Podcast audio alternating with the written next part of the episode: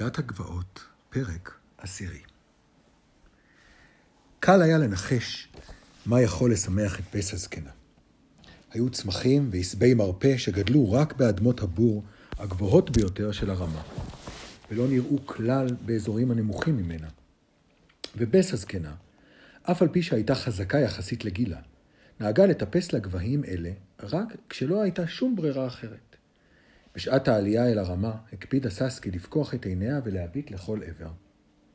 וציינה לעצמה את מיקומו של צמח זה או אחר, ואחרי שמו"ל הפרה הייתה שקועה בלעיסה במקום המרעה שלה והייתה עסוקה בענייניה, וחמת החלילים כבר שילחה את צליליה הפראיים הראשונים על פני הגבעות, וגרמה לה לתחושת סיפוק עמוקה, המשיכה ססקי ללכת ולנגן, ללכת ולנגן, בעוד עיניה ממשיכות לחפש בין הסלעים ושיחי ההברש הצומחים על פני הרמה, אחר הצמחים שלא נראו כלל בסביבות הכפר.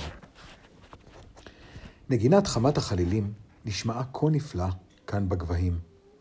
בבוקר, שערפיליו לא התפזרו עדיין, צליליה נשמעו יפים בהרבה מאשר בתוך הבית הקטן בכפר. מקום שבו נתקל כל צליל בקירות, הוחזר מהם והתערבב בצלילים אחרים. כבר עברה מחצית הזמן עד הצהריים, בטרם שבעה ססקי מהנגינה, והייתה מוכנה לחזור הביתה. רק אז הגיעה השעה לקטוף מעט מכל הצמחים שבהם הבחינה קודם לכן. ולכן הוסיפה צרור של חינניות אדומות לבנות בשביל אנברה.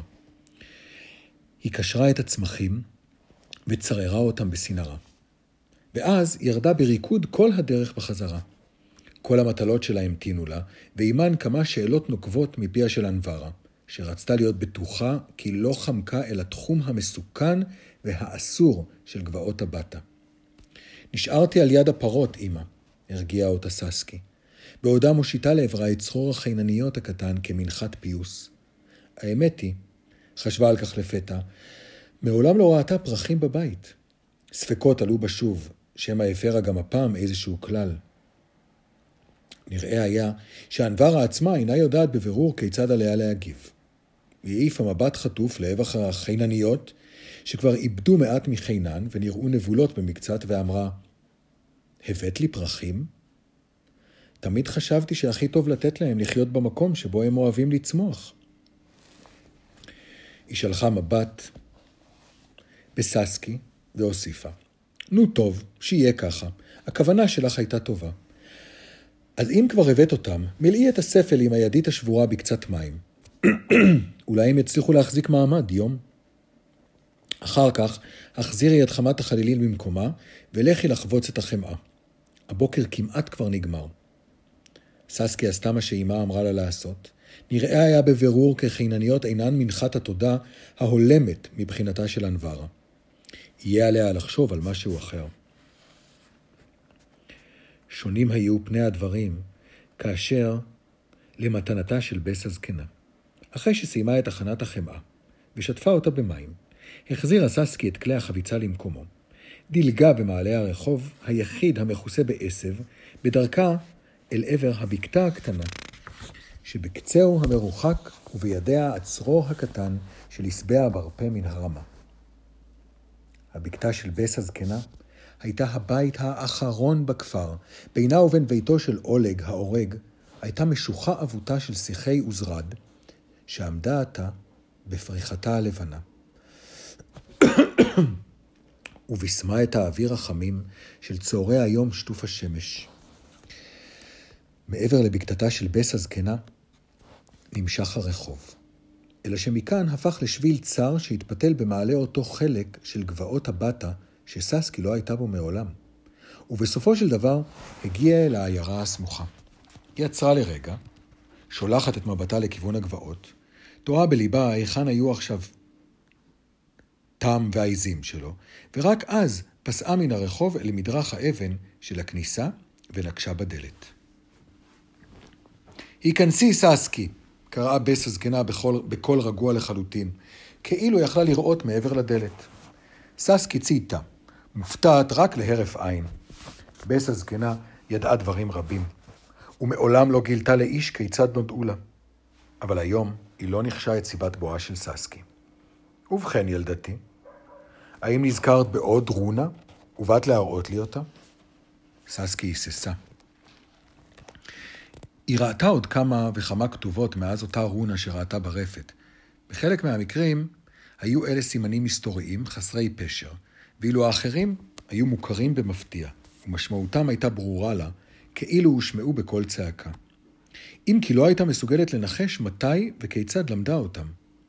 הייתה רונה אחת על הגלגל הגדול של התחנה, שמשמעותה הייתה סכנה. אחרת הייתה רשומה על מרתף אחסון הפקעות של פרן וגוטוויק. על יד קרש רופף שגוטוויק שכח לנעוץ בו מסמרים, הייתה רונה שמשמעותה נא להתכבד. אחת עיבבה על סף הדלת שבה עברה זה עתה, ואולם, במקום לענות, הושיטה לבס הזקנה את, צרור, את הצרור שבסינר הקשור שבידיה. מה זה? שכה יהיה לי טוב. כרזנית רפואית וחרצית, שהיא כה טובה ללב, ואפילו סרח רגל הזאב. היכן מצאת אותם, ילדה? אין טוב מהם לרכך את השיעול שלי. ובבונג אמיתי, זה יקל על כאב הברכיים של פיח הזקן. היא הכירה כל עלה וכל שורש וגבעול שססקי הביאה, וידעה איזה שימוש אפשר לעשות בהם. היא הושיבה את ססקי לתלוש את כל הפרחים הקטנים, הלבנים צהובים של הבבונג, קשרה את שאר הצמחים בצרורות, ותלתה אותם על קורות הגג לייבוש, ליד צרורות אחרים שכבר היו תלויים שם. חדרה היחיד של בס הזקנה היה קטן, אפלולי, ומוזר כסוכת התבודדות נזירית. ושררה בו תערובת של ניחוחות מעקצצים. על מדף עץ ליד השולחן נחו ארבעה ספרים גדולים ומסתוריים שהיו שייכים לאח אוסוויק, הנזיר הנודד שגר פה פעם. הם לא דמו לאיזשהו דבר שססקי ראתה מעודה. רוב הדברים שהיו בבקתה של בס הזקנה לא דמו לדברים שהיו במקומות אחרים. היא קצת פחדה להיות שם, והייתה גם שבויה לחלוטין בקסמו של המקום. אבל רק מאז אותו היום שבו עזרה לבס הזקנה לקרצף את סימני הארונות מדלת הרפת, העזה לבוא לכאן לבדה. בעוד בס הזקנה מפזרת את פריחת הבבונג על רשת, ותולה אותה בארסל אוורירי מעל התנור הבישול, התקרבה ססקי אל הספרים, מנסה לדמיין לעצמה אילו סודות טמונים בהם, ותוהה איך אפשר לגלות זאת ולדעת אותם. רובם היו סודות הקשורים בצמחים. כך אמרה לבס הזקנה, שהתגלו ונכתבו על ידי האח אוסוויק, ואליהם נוספו אלה שבס הזקנה עצמה כתבה באותם דפים שנשארו ריקים. כמו תמיד קראה בס הזקנה את מחשבותיה. את רוצה לראות את הספרים שלי? היא הורידה אותם מן המדף. פתחה את כישורי השרוכים שחיברו את לוחות הכריכה, פתחה את הספר והניחה אותו על השולחן.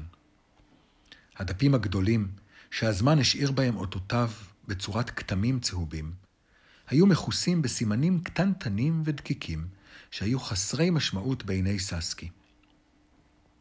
ממש כסימנים שהותירו רגלי התרנגולת של אנברה באבק. אבל פה ושם, באחת הפינות של עמוד, הופיע ציור קטן וחום, ציור של עלה, או של פרח, או של צמח שלם, והם נראו טבעיים כמו שנראו בשעה שנתקלה בהם ביער. חמשן מחשיף, אמרה ססקי בהפתעה, מניחה את אצבעה על אחד מהם. כן, לאח אוסוויק היו, היו עין בוחנת ויד טובה. יין טובה מאוד לציור, אמרה לבס הזקנה. כל חוכמתו נמצאת כאן, בדפים האלה. ובעוד ססקי נוגעת בסימנים, המשיכה ואמרה, הכתיבה יוצרת תמונות במוח, ממש כמו הרונות.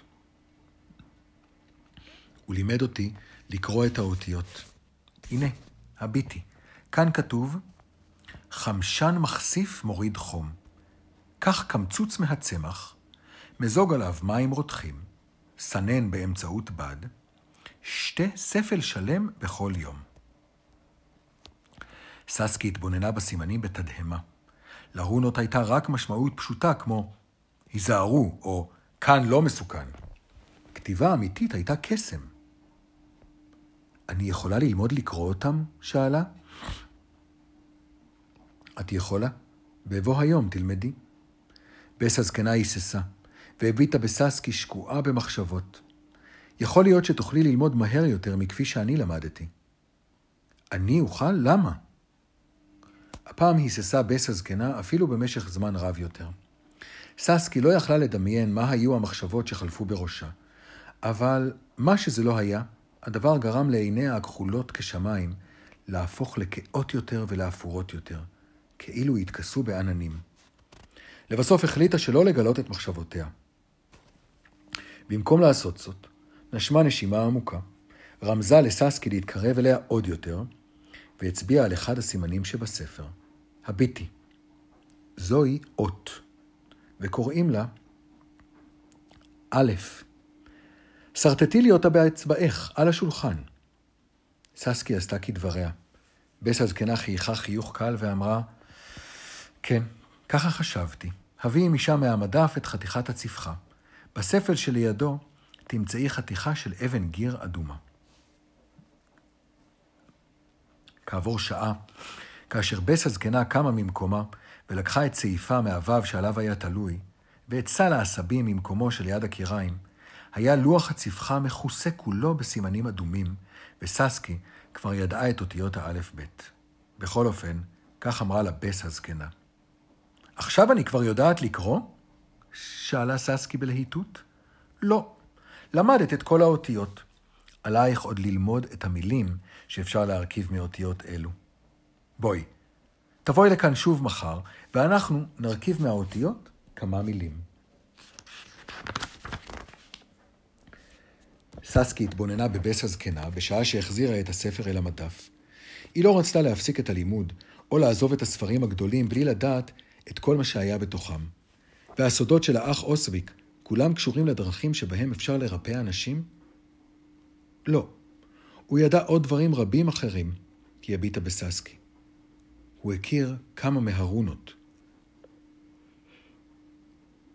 ססקי פגשה את עיניה בבהלה. הוא יכול היה לראות אותן? כמוני? אם זה כך, אז אני לא היחידה שיכולה לראות אותן, חשבה בליבה. וחשה הקלה, שהייתה מלווה בתחושה קלה ומוזרה של אובדן. הרונות, ואפילו אזכור שלהן בלבד, גרמו לה תמיד לחוות בעת ובעונה אחת שתי תחושות מנוגדות. לא, הוא לא ראה אותן, בדיוק כמו שאני לא יכולה לראות אותן, אמרה בס הזקנה בקול רגוע. אז איך? מעולם לא גילה לי איך למד עליהם. או מי לימד אותו להבין את משמעותן.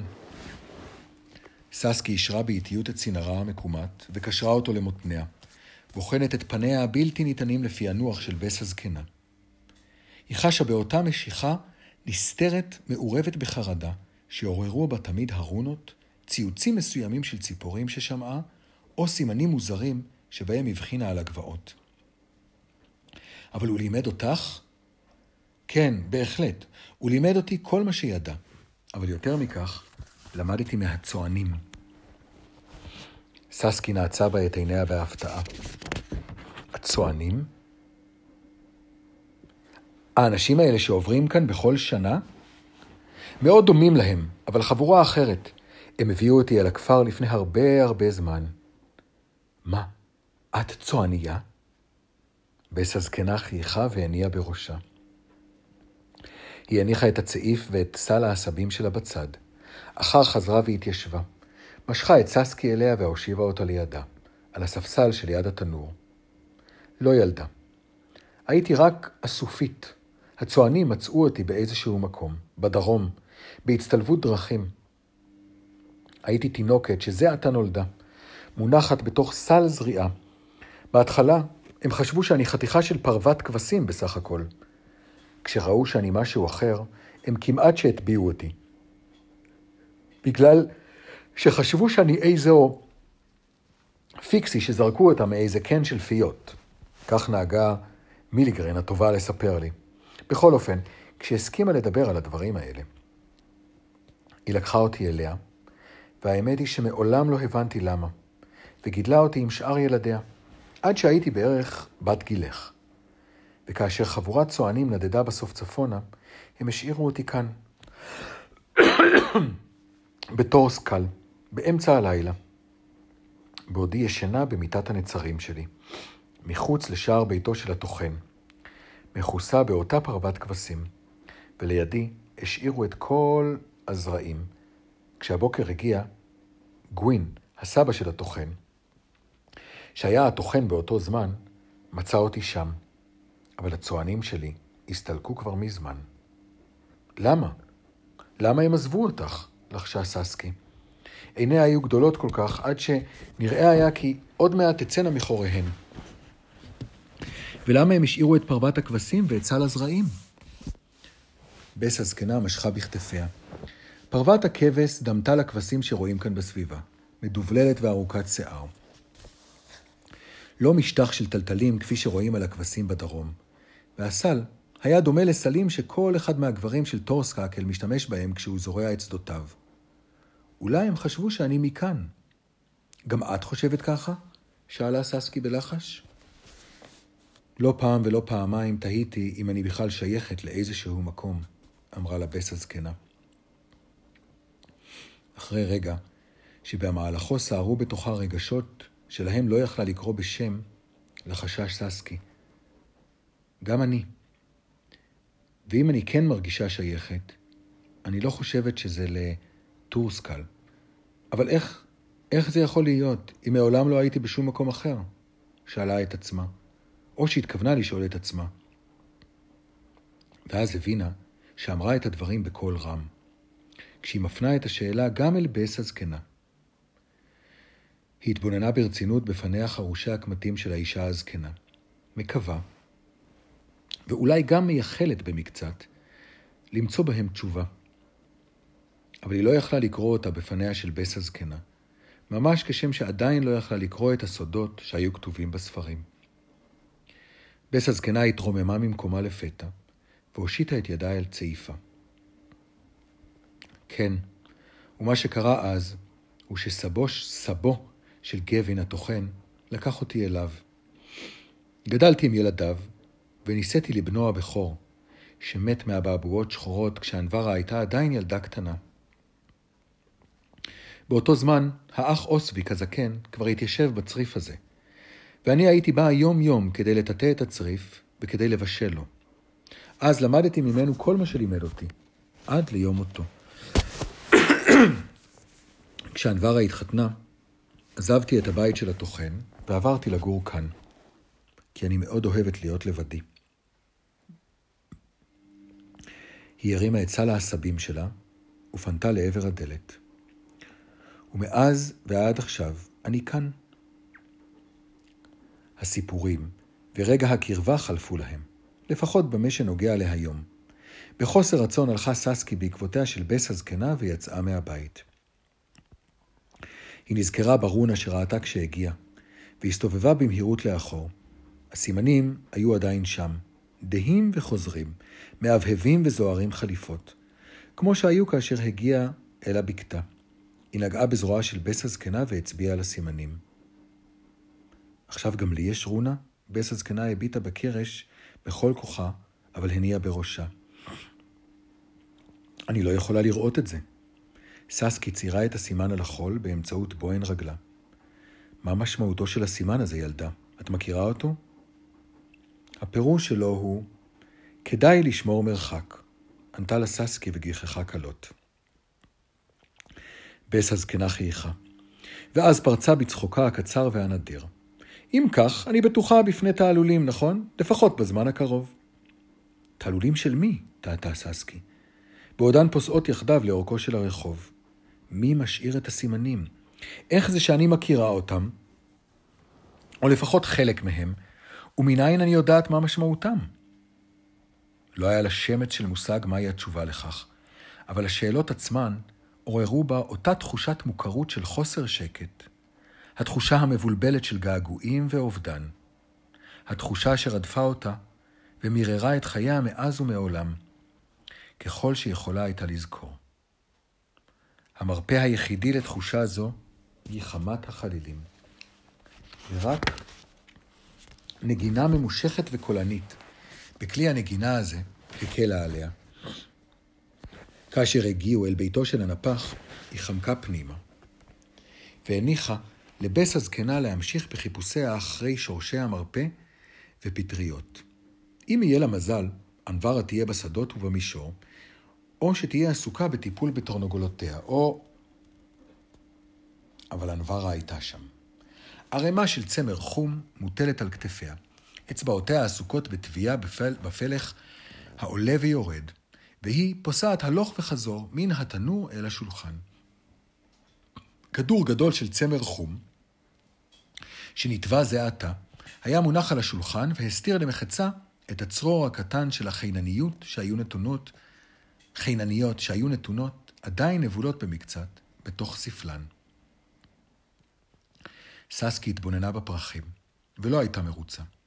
בפעם הבאה יהיה עליה להתאמץ יותר. היית הרבה זמן עם אמא שלי, העירה אנברה ונעצה במבט חודר. אם בכלל הלכת אליה. בטח שהלכתי. הייתי אצלה. היא הראתה לי את הספרים שלה. היא הראתה לך את הספרים שלה? קולה של אנברה היה מופתע. אצבעותיה החטיאו את אחיזתן, והחוט נשמט מידיה כשהוא מתנדנד ומסתובב. וחוט באורך זרוע, שזה עתה סיימה את תביעתו, הותר כולו. ססקי קפצה ממקומה, תפסה את הפלך והחזירה לאוטו. בפיזור נפש חזרה אנברה וטבתה את החוט מחדש, ומבטה המופתע עדיין נעוץ בססקי. תביטו, תביטו, אני יכולה להבטיח לך שלי היא לא הראתה את הספרים שלה מעולם.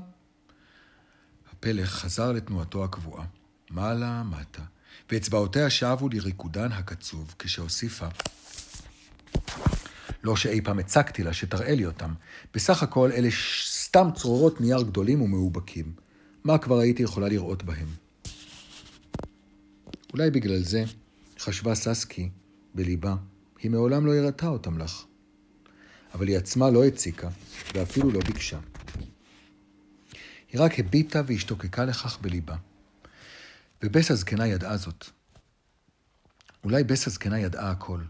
כל דבר שהוא בעולם, חוץ מהרונות שאותן הכירה רק באופן חלקי. אנברה שבה להליכת התביעה שלה.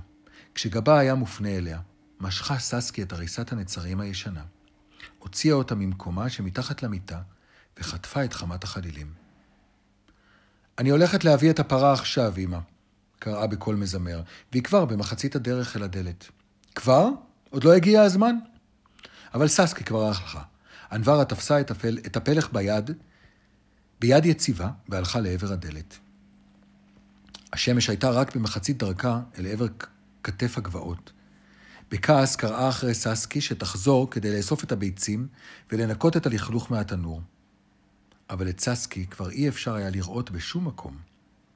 מודעת למבטים המשועשעים מפתחי בתיהם של השכנים, לא היה בכפר ילד אחד שיכול היה להיעלם במהירות שכזו. כך כבשה אנברה את כעסה ותסכולה בהידוק שפתיים, ופנתה בחזרה אל תוך הבית. רגע לאחר מכן החליקה ססקי וירדה מצידו השני של עץ התפוחים, הניפה את חמת החלילים ותלתה אותו על כתפה, ומיהרה במעלה השביל לכיוון אדמות הבור של הרמה, ואל גבעות הבטה שמאחוריה. גם אם היה זה האזור שנאסר עליה ללכת עליו, רגליה הובילוה הישר לשם. אולי, אם לא תספר על כך לאיש, איש לא ישאל. אולי לאף אחד גם לא יהיה אכפת באמת, לאיזה מרחקים בדיוק הגיע בשיטוטיה, מלבד אנברה. אנברה נהגה תמיד לשאול אותה, אבל אולי היא תשקר לאנברה, או שאולי היא פשוט לא תענה. זה כבר לא היה חשוב. היא הייתה חייבת לחזור אל הבטה. היא לא הייתה מסוגלת להמשיך ולהתרחק מהמקום היחיד בעולם שאליו הרגישה שייכת אי פעם.